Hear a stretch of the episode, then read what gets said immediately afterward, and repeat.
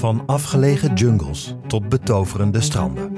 In de nieuwe podcast Reis naar de Dood vertel ik, David Lucier, hoe lang verwachte vakanties eindigen in een nachtmerrie. Iedere donderdag staat er een nieuwe aflevering klaar. Exclusief te beluisteren op Podimo. Ga naar podimo.nl slash reis naar de dood en luister één maand gratis naar al je favoriete podcasts.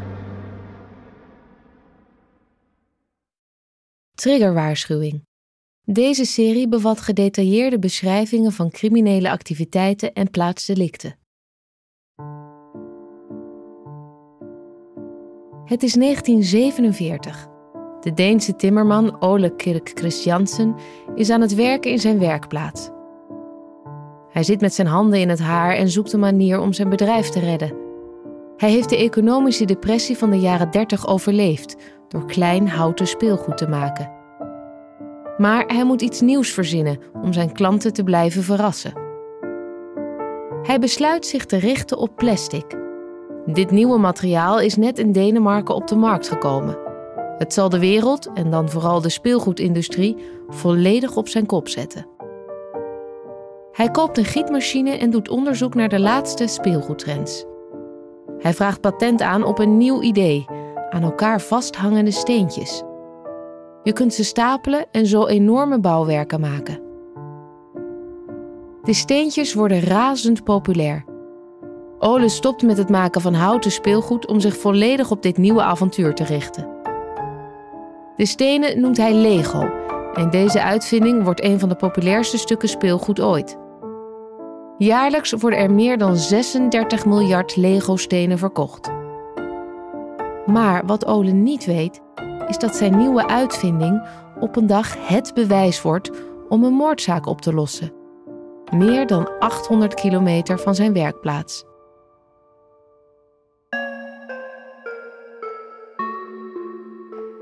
Mijn naam is Sanne Langelaar. Welkom bij Het Bewijs. Deze serie biedt een unieke kijk achter de schermen bij de meest opmerkelijke strafzaken van over de hele wereld. Luister en ontdek hoe simpele alledaagse voorwerpen het doorslaggevende bewijs werden en hielpen bij het oppakken van moordenaars. Van Podimo en What's the Story Sounds is dit Het Bewijs, aflevering 10, Het Lego-steentje.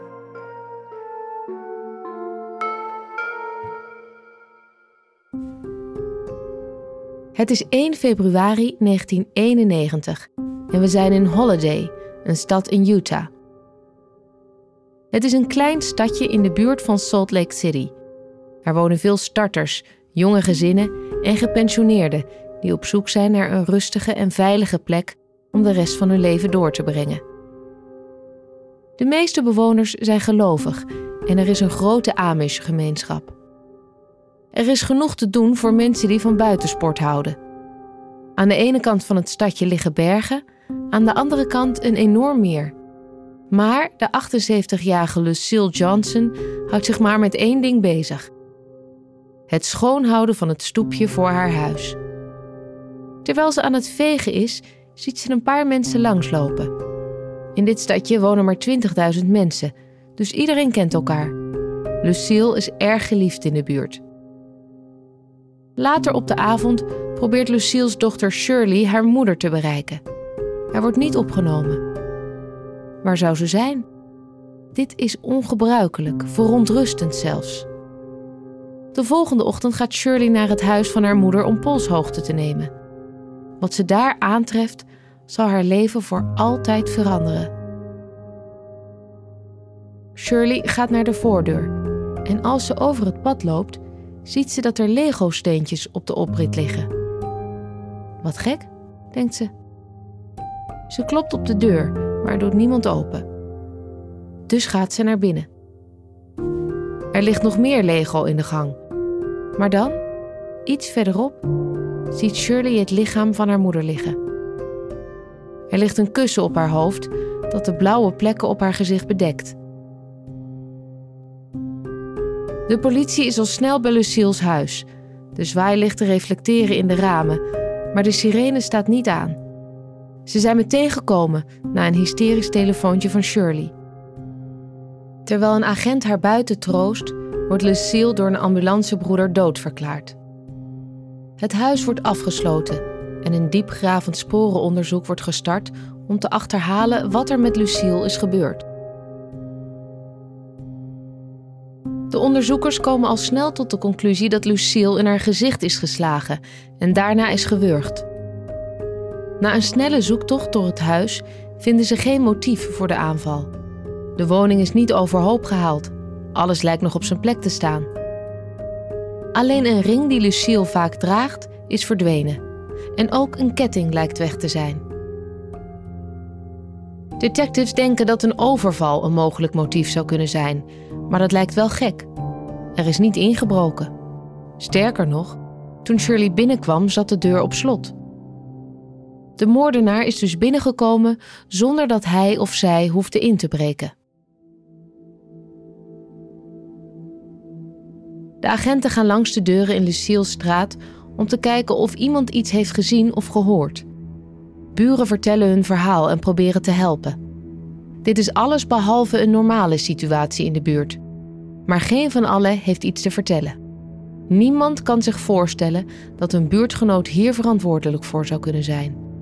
Ook heeft niemand iets ongewoons gezien of gehoord. De politie doorzoekt hun bestand om te zien of deze moord lijkt op eerdere aanvallen. De profielen van verdachten worden nagegaan om te kijken of er misschien criminelen in de buurt wonen. Maar geen enkel profiel geeft een match. Ondertussen doet het forensisch team onderzoek naar de plaats delict. Ze nemen monsters van de voordeur. Ze zoeken naar vingerafdrukken op de deurklink, fotolijstjes, op de muur. Overal waar de moordenaar misschien iets heeft aangeraakt. Lucille's kleding wordt voorzichtig uitgetrokken en bewaard. En de agenten denken na over wat ze moeten doen met de Lego-steentjes op de oprit en in de gang. Op het eerste gezicht lijkt het onbelangrijk. Overgebleven speelgoed van het oppassen op haar kleinzoon. Lucille was immers de oprit aan het schoonmaken. Maar nadat ze met Shirley gesproken hebben, verandert die gedachte. Shirley vertelt de agenten dat Lucille het echt niet goed had gevonden dat er overal een huis speelgoed lag. En ze waren niet overgebleven van een bezoekje van de familie. Die waren al een paar dagen niet langsgekomen en Lucille had dat speelgoed niet een paar dagen laten liggen. En dus worden de steentjes verzameld en meegenomen. Het nieuws verspreidt zich als een olievlek in het kleine stadje. Eerst in Holiday, dan in Salt Lake City. Alle kranten schrijven erover. Er staan geregeld camera's in de straat om agenten te interviewen en op zoek te gaan naar informatie. Maar de media weten geen verdachte aan te wijzen. Ze hebben geen idee wat er met Lucille is gebeurd. En daardoor verdwijnt het verhaal langzaam maar zeker naar de achtergrond. Andere verhalen krijgen de aandacht. En behalve Lucille's familie vergeet iedereen haar moord een beetje. Ondanks een diepgravend onderzoek blijft haar zaak onopgelost. Zeven jaar later en meer dan duizend kilometer verderop, in Arizona, is Trudy Calabrese hard aan het werk. Ze is vrijwilliger bij de kerk in Glendale, ongeveer 15 kilometer ten noordwesten van Phoenix. Ze is erg gelovig en is dus een vaste bezoeker van de kerk. De kerk is een groot onderdeel van de hechte gemeenschap en is belangrijk in dit deel van de stad waar mensen vaak arm en zelfs verslaafd zijn. Volgens wetenschappelijk onderzoek is Phoenix een van de grootste steden van Amerika op het gebied van marihuana-gebruik. En staat de stad op plek 4 qua cocaïne en crystal meth gebruik. Volgens het onderzoek heeft 1 op de 4 inwoners wel eens cocaïne genomen. Het mag geen verrassing zijn dat het misdaadcijfer in de stad daardoor ook erg hoog ligt. De kerk van Trudy is een welkome plek voor mensen die het moeilijk hebben. Hier worden mensen geholpen met eten of onderdak of gewoon met een bemoedigend gesprek. Het is halverwege de middag als er een telefoontje binnenkomt van een man uit de buurt die om hulp vraagt. Hij vertelt dat hij arm is en vier kinderen heeft. En hij vraagt of hij als donatie van de kerk een voedselpakket kan komen halen. Dit is alles behalve een gekke vraag. De kerk deelt vaker voedselpakketten uit aan families die om hulp vragen. En dit telefoontje, waarmee ze onder andere vier kinderen kunnen helpen, is precies waarom de vrijwilligers dit werk doen. Trudy laat twee pakketten in haar auto en rijdt weg om ze langs te brengen. In het huis wachten de 31e John Sansing en zijn vier kinderen geduldig op het pakket. Sansing is verslaafd en heeft eerder die dag crack gerookt. Door zijn verslaving kan hij geen eten veroorloven voor zijn familie, maar hij is blij dat de kerk hem kan helpen. Terwijl zijn kinderen spelen in een andere kamer, belt hij zijn vrouw Cara en vraagt hij haar of ze naar huis komt. Hij heeft goed nieuws, zegt hij. Hij heeft eten geregeld en heeft een plan bedacht hoe hij er financieel bovenop kan komen. En voor dat plan gaat hij geweld gebruiken. Om vier uur s middags komt Trudy Calabrese aan bij het huis om het voedselpakket af te leveren. Ze draagt de dozen naar binnen en praat kort met John en Cara over hun situatie, het opvoeden van vier kinderen en het overkomen van een drugsverslaving. Trudy is vriendelijk en is blij dat ze namens de kerk dit gezin kan helpen. John zet zijn handtekening onderaan het bestelformulier en neemt afscheid. Maar voordat Trudy naar buiten kan gaan, wordt ze op haar hoofd geslagen en het huis ingesleurd. Vervolgens gebeuren er verschrikkelijke dingen met haar. Het stel bindt Trudy's handen samen met een elektriciteitskabel en maakt haar vast aan een stoel. De uren daarop wordt Trudy gemarteld en verkracht door John en Cara. Terwijl deze verschrikkingen bezig zijn, horen de kinderen in de kamer ernaast alles. Ongeveer twee uur later is Trudy's man Rosario bezorgd omdat zijn vrouw nog steeds niet thuis is. Hij probeert zich niet te veel zorgen te maken, omdat hij denkt dat er vast een goede reden voor is. Misschien is hij vergeten dat ze nog een afspraak heeft ingepland. Of ze staat in de file. Of ze is nog even boodschappen gaan doen. Er is vast een goede reden en hij zal haar snel weer zien. Maar de minuten veranderen in uren en er is nog steeds geen nieuws van Trudy. Dus de kerk belt naar verschillende mensen die Trudy zou bezoeken. Een pastoor belt John Sansing en legt uit dat Trudy al een paar uur niet gezien is. Heeft hij haar gezien? Heeft ze het pakket afgeleverd en misschien iets verteld over waar ze daarna heen is gegaan? John zegt dat Trudy nooit bij hem thuis is geweest. Hij kan niet helpen, helaas. Hij wacht nog steeds op zijn voedselpakket. Ondertussen is John bezig met het verkopen van Trudy's sieraden om meer drugs te kunnen kopen. Hij bedenkt dat hij haar auto moet verplaatsen, die staat nog steeds voor de deur. Hij rijdt de auto een paar blokken verder en op de weg terug bedenkt hij hoe hij het best Trudy's juwelen kan omruilen voor cash. Hij denkt dat als hij blijft ontkennen dat ze ooit hier geweest is, hij kan wegkomen met wat hij heeft gedaan. Uren en uren gaan voorbij en Rosario blijft maar bidden voor de terugkeer van zijn vrouw. Er is iets mis. Die avond begint de politie te zoeken. Ze weten dat ze kunnen achterhalen waar Trudy is door haar activiteiten van die middag na te gaan. En dus bellen ze aan bij het huis waar Trudy het voedselpakket ging afleveren. Het huis van de familie Sansing. Buiten zien ze haar auto niet staan en de moed zakt de agenten in de schoenen. Misschien komen ze hier weer niet verder mee, maar de deur wordt opengedaan door John en Cara, die high zijn en nauwelijks een goede zin kunnen formuleren. De agenten vertrouwen op hun instinct en gaan het huis binnen. Na een zoektocht in het huis vinden ze in de tuin, tussen het schuurtje en een hek, het dode en verminkte lichaam van Truly Calabrese. De ontdekking zorgt voor afreizen in de buurt. John en Cara Sensing worden gearresteerd en verhoord op het politiebureau. Hoe graag iedereen in Phoenix ook een passende straf wil voor het koppel, niemand wil de details van deze misdaad weten.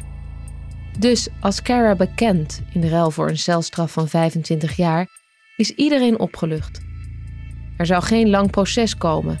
Ze hoeven geen foto's van de plaats delict te zien. Tijdens het verhoor heeft Cara toegegeven dat John de aanval had gepland. Hij belde de kerk, hij besloot om de misdaad te plegen. Hij verplaatste de auto en hij probeerde het lichaam te verbergen. Ze geeft toe dat ze hem niet had tegengehouden en ook vrijwillig mee had gedaan.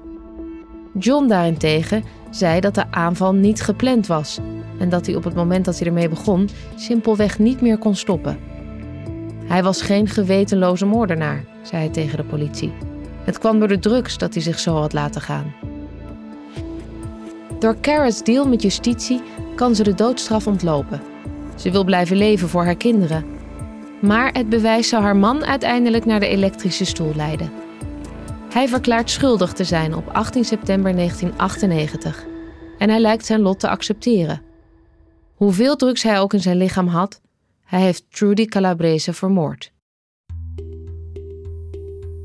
Beide moordenaars geven toe dat hun drugsverslaving het motief was voor de moord. De rechter hoort dat ze maanden clean waren, maar vlak voor de moord een terugval hadden gehad en daardoor extremer gebruikter dan ooit. Ze gebruikten al hun spaargeld om drugs te kopen en wilden alleen maar meer. Het spijt hen, zeggen ze. En ze hopen dat hun misdaden minimale impact zullen hebben op hun kinderen die nu bij een pleeggezin wonen. Ze vragen of hun kinderen misschien nog steeds naar de kerk mogen gaan. John Sensing richt zichzelf tot Trudy's man in de rechtszaal. Ik heb een wens. En dat is dat ik jouw vrouw terug kan brengen. Maar ik kan geen wonderen verrichten. Alles dat ik kan doen is mezelf nu richten tot God, hopend dat ik mag blijven leven. Maar dat bepalen jij en de rechter. Ik hoop dat ik mag blijven leven. Maar ik wil zeggen dat ik alles accepteer dat mij gaat overkomen. De rechter veroordeelt hem tot de doodstraf, een omstreden straf die de gemeenschap verdeelt. De diepgelovige familie en vrienden van Trudy zitten in een tweestrijd. Ze willen gerechtigheid, maar prediken ook vergevingsgezindheid. Sommige van hen zijn tegen de doodstraf, maar de meeste zijn voor. Rosario praat er met de lokale pers over. Het maakt niet uit welke straf ze krijgen. Ik vind niet dat we het recht hebben om mensen te doden, maar de Bijbel zegt dat het oké is. Pastoor Brandon Becker legt uit dat hij in dit geval voor de doodstraf is. Volgens hem zijn er passages in de Bijbel waarin gezegd wordt dat iemand die bloed vergiet, uiteindelijk zijn eigen bloed zal vergieten. Het lijkt duidelijk. Er breekt een nieuw millennium aan en de gemeenschap rond de kerk heeft zich over Rosario ontfermd. Ze zijn de moord niet vergeten, zeker niet, maar ze willen doorgaan met hun leven. Trudy's moordenaars zitten vast en John Sansing zit in de dodencel. Ze hopen dat ze nooit meer over hen hoeven horen, dat de zwartste bladzijde in hun leven eindelijk is omgeslagen. Maar dat is niet het geval. Jaren gaan voorbij en de forensische wetenschap wordt beter en beter. Wetenschappers ontdekken allerlei nieuwe manieren om bewijs te verzamelen. Zo proberen ze met nieuwe technieken oude zaken alsnog op te lossen. En in Utah wordt de onopgeloste moord van Lucille Johnson nog eens onderzocht. Er is nooit veel vooruitgang geboekt in het onderzoek. Haar dood wordt jaarlijks herdacht door familie en vrienden. En soms noemt iemand haar nog in de plaatselijke krant om een link te zoeken met een andere misdaad of om haar te herinneren. Maar nooit wordt een verband met een andere zaak gevonden. Het lijkt erop dat deze zaak onopgelost blijft. In 2006 sluit de politie de zaak. Ze kunnen niets meer doen. Alle lijntjes zijn nagetrokken en de moordenaar van Lucille wordt niet gevonden. Voor haar familie is dit besluit verschrikkelijk. Ze willen zo graag gerechtigheid. Het zorgt er niet voor dat iemand terugkomt, maar het maakt het omgaan met het verlies wel draaglijker. In het Verenigd Koninkrijk worden onopgeloste zaken nooit gesloten. Ze liggen misschien een tijdje te rusten zonder onderzoeksteam dat er actief aan werkt, maar gesloten worden ze niet. Iedere paar jaar gaat het onderzoek weer open en worden nieuwe technieken en ideeën uit de kast getrokken om nieuwe mogelijkheden te onderzoeken. In het geval van Lucille Johnson besluit een sheriff in 2013, 22 jaar na haar dood, dat deze zaak helemaal niet gesloten hoort te zijn. En hij besluit opnieuw in het onderzoek te duiken.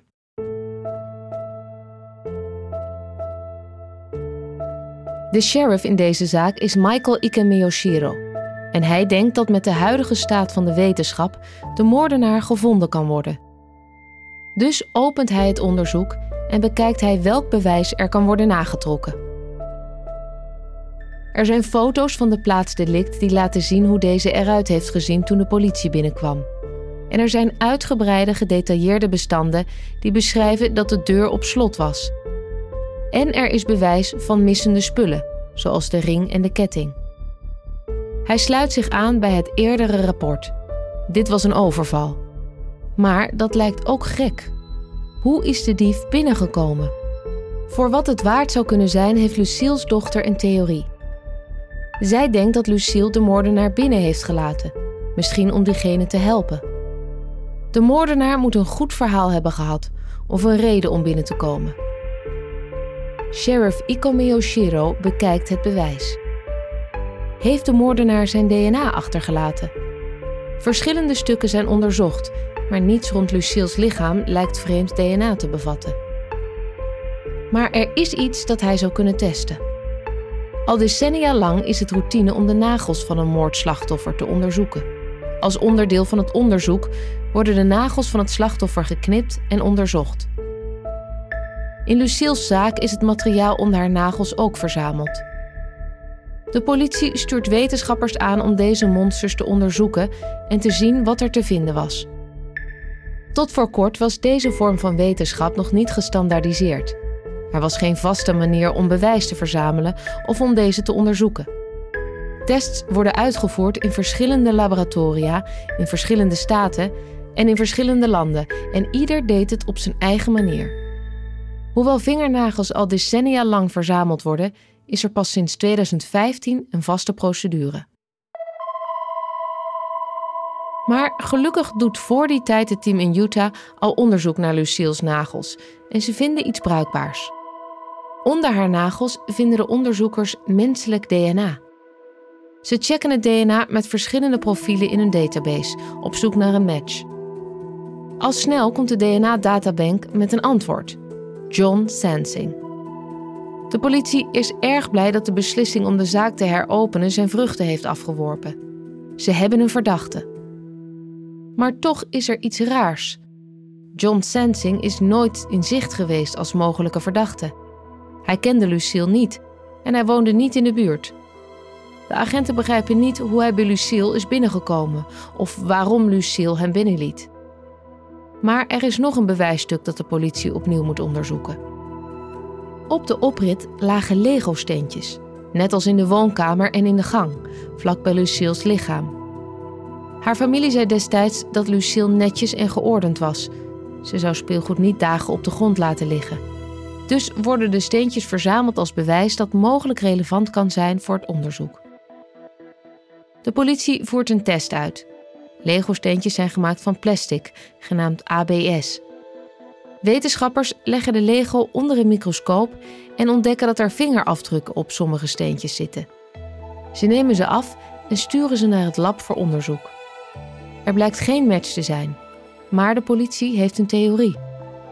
De Lego was waarschijnlijk niet van Lucille. En ze denken ook niet dat het van een verdachte John was. Maar misschien wel van Johns kinderen. Kan het hun Lego geweest zijn? En zo ja, betekent dit dat er een kind aanwezig is geweest bij de moord op Lucille?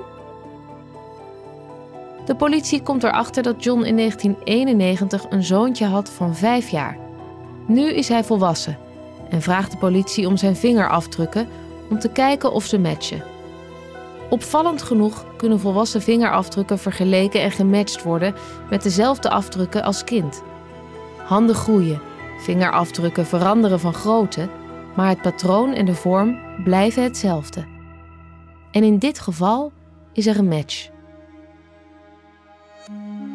De man vertelt dat hij zich vaag kan herinneren dat hij als kind inderdaad samen met zijn vader in een huis in Utah was toen hij ongeveer vijf jaar oud was. Hij weet niet veel details meer, maar de detectives hebben de details niet nodig om een zaak op te bouwen. De politie beschuldigt John Sensing van de moord op Lucille Johnson en gelooft dat hij zijn vijfjarige zoontje heeft gebruikt om Lucille over te halen hen binnen te laten. Hij heeft haar op het hoofd geslagen terwijl zijn zoontje in het huis was, heeft haar ring en ketting meegenomen en is toen snel weggegaan. Hij heeft de deur op slot gedaan en heeft de Lego-steentjes achtergelaten. Sensing zit door zijn eerdere misdaad al in de dodencel en geeft zijn misdaad toe. Dankzij de toewijding van de politie in Utah is de zaak heropend en hebben ze Sensing kunnen veroordelen. Met behulp van het bewijs onder Lucille's nagels natuurlijk. Maar vooral dankzij de plastic Lego-steentjes. Die bevatten het doorslaggevende bewijs om deze zaak op te lossen. En Lucille's familie eindelijk antwoord te geven op hun vragen. Dit was de tiende aflevering van Het Bewijs, de Nederlandse bewerking van de Engelse podcast Smoking Gun. De serie is gemaakt met ondersteuning van de British Society of Forensic Science. Geproduceerd door What's the Story Sounds, vertaald door Andrea Huntjens en verteld door mij, Sanne Langelaar. Het Bewijs is een productie van Dag en Nacht Media in opdracht van Podimo. De montage en mixage is gedaan door Jasper Bogaert, de productie door Anne Jansens en Gabi van Schaik. Bedankt voor het luisteren naar het eerste seizoen van Het Bewijs. We hopen dat je hebt genoten van de spannende verhalen vol harde bewijzen. Helaas is het eerste seizoen ten einde gekomen. Maar we beloven dat we snel terug zullen zijn met nieuwe afleveringen. Hou ons kanaal in de gaten en vergeet ons niet te volgen.